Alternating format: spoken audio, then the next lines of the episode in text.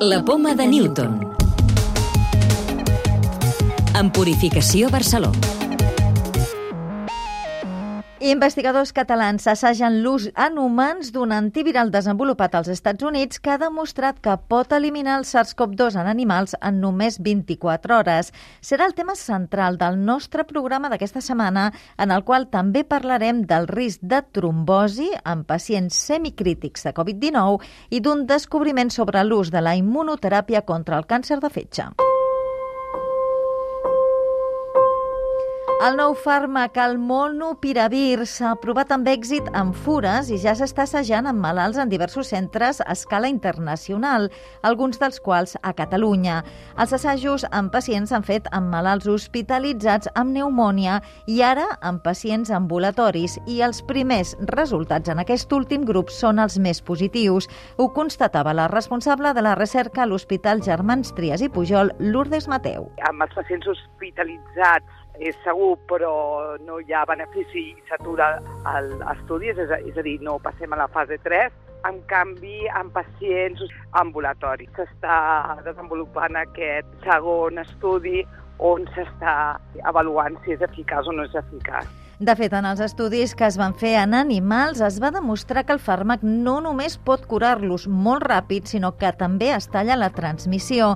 Ho explica Roger Paredes, cap de malalties infeccioses de l'Hospital Germans Trias i Pujol. Quan posen animals junts i posen fures que estan infectades amb fures que no ho estan, si les fures que estan infectades reben aquest antiviral, no transmeten Covid a les, a les altres fures. I aleshores això doncs, és molt, molt prometedor. El fàrmac el que fa és generar moltes mutacions en el material genòmic del virus fins que el destrueix i els investigadors creuen que podria inhibir el progrés de la malaltia, reduir-ne la durada i evitar casos greus i, per tant, mortalitat. Una característica que és molt positiva d'aquest fàrmac és que és via oral, és un fàrmac que es pren en pastilles. Fins ara remdesivir o altres s'han de donar endovenós el ser via oral ens permetria poder-lo donar fora de l'hospital. Seria molt més fàcil que es pogués donar en un entorn de primària, però per fer això primer hem de demostrar que realment és efectiu. Si se'n confirmés l'eficàcia en persones infectades, podria servir per evitar que facin complicacions i també per frenar la transmissió comunitària de la Covid-19 entre la població. Més coses, el risc de patir embòlies per Covid-19 comença ja en l'etapa de semicrítics. És el que demostra un estudi de l'Hospital del Mar i del Centre d'Investigació en xarxa de malalties respiratòries. Es tracta de pacients que estan greus però no l'UCI i que necessiten ventilació però no invasiva i que ara se sap que també tenen més probabilitat de patir una embòlia. Diego Rodríguez Chiaradia, coordinador de la Unidad de Resposta a l'Embòlia Pulmonar de l'Hospital del Mar. Los pacientes que están en situación de semicríticos y con ventilación no invasiva, mayor riesgo. Puede haber pacientes en salas convencionales que también, pero los pacientes semicríticos pueden tener más probabilidad de desarrollar complicaciones trombóticas. La immunoteràpia no és eficaç en els càncers de fetge provocats per acumulació de greix o excés d'alcohol. És el que es desprèn d'un estudi pioner liderat per l'IDIVAPS Hospital Clínic que demostra que la immunoteràpia només és útil contra aquests tumors si l'origen és viral.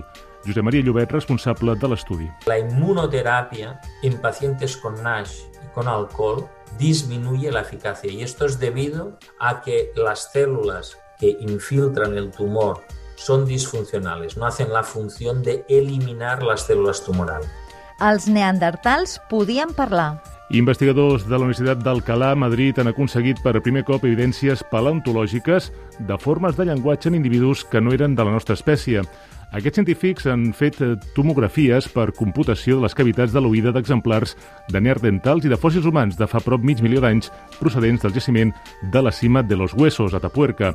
I el que han descobert és que les seves capacitats auditives estan directament relacionades amb la presència del llenguatge i que tenien les mateixes que l'Homo sapiens.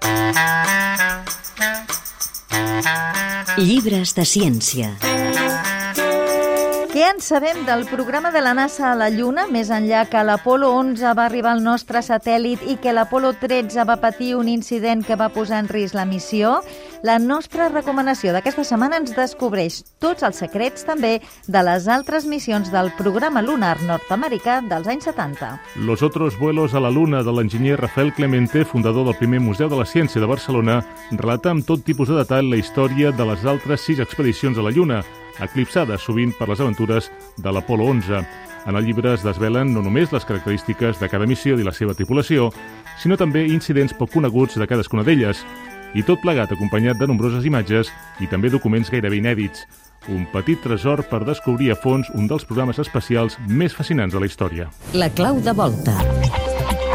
Es podria arribar a aturar l'ELA, l'esclerosi lateral amiotròfica, amb compostos naturals? Rubén López, investigador de l'Institut de Neurociències de l'UAB hem observat que els pacients amb ELA no produeixen les molècules que utilitza el nostre cos per aturar la inflamació i pensem que aquest fet és el responsable de que la resposta immunitària es cronifiqui. Per tant, actualment estem investigant si l'administració d'aquestes molècules antiinflamatòries naturals i que no es produeixen en els pacients amb ELA atura la inflamació i alenteix la progressió de la malaltia.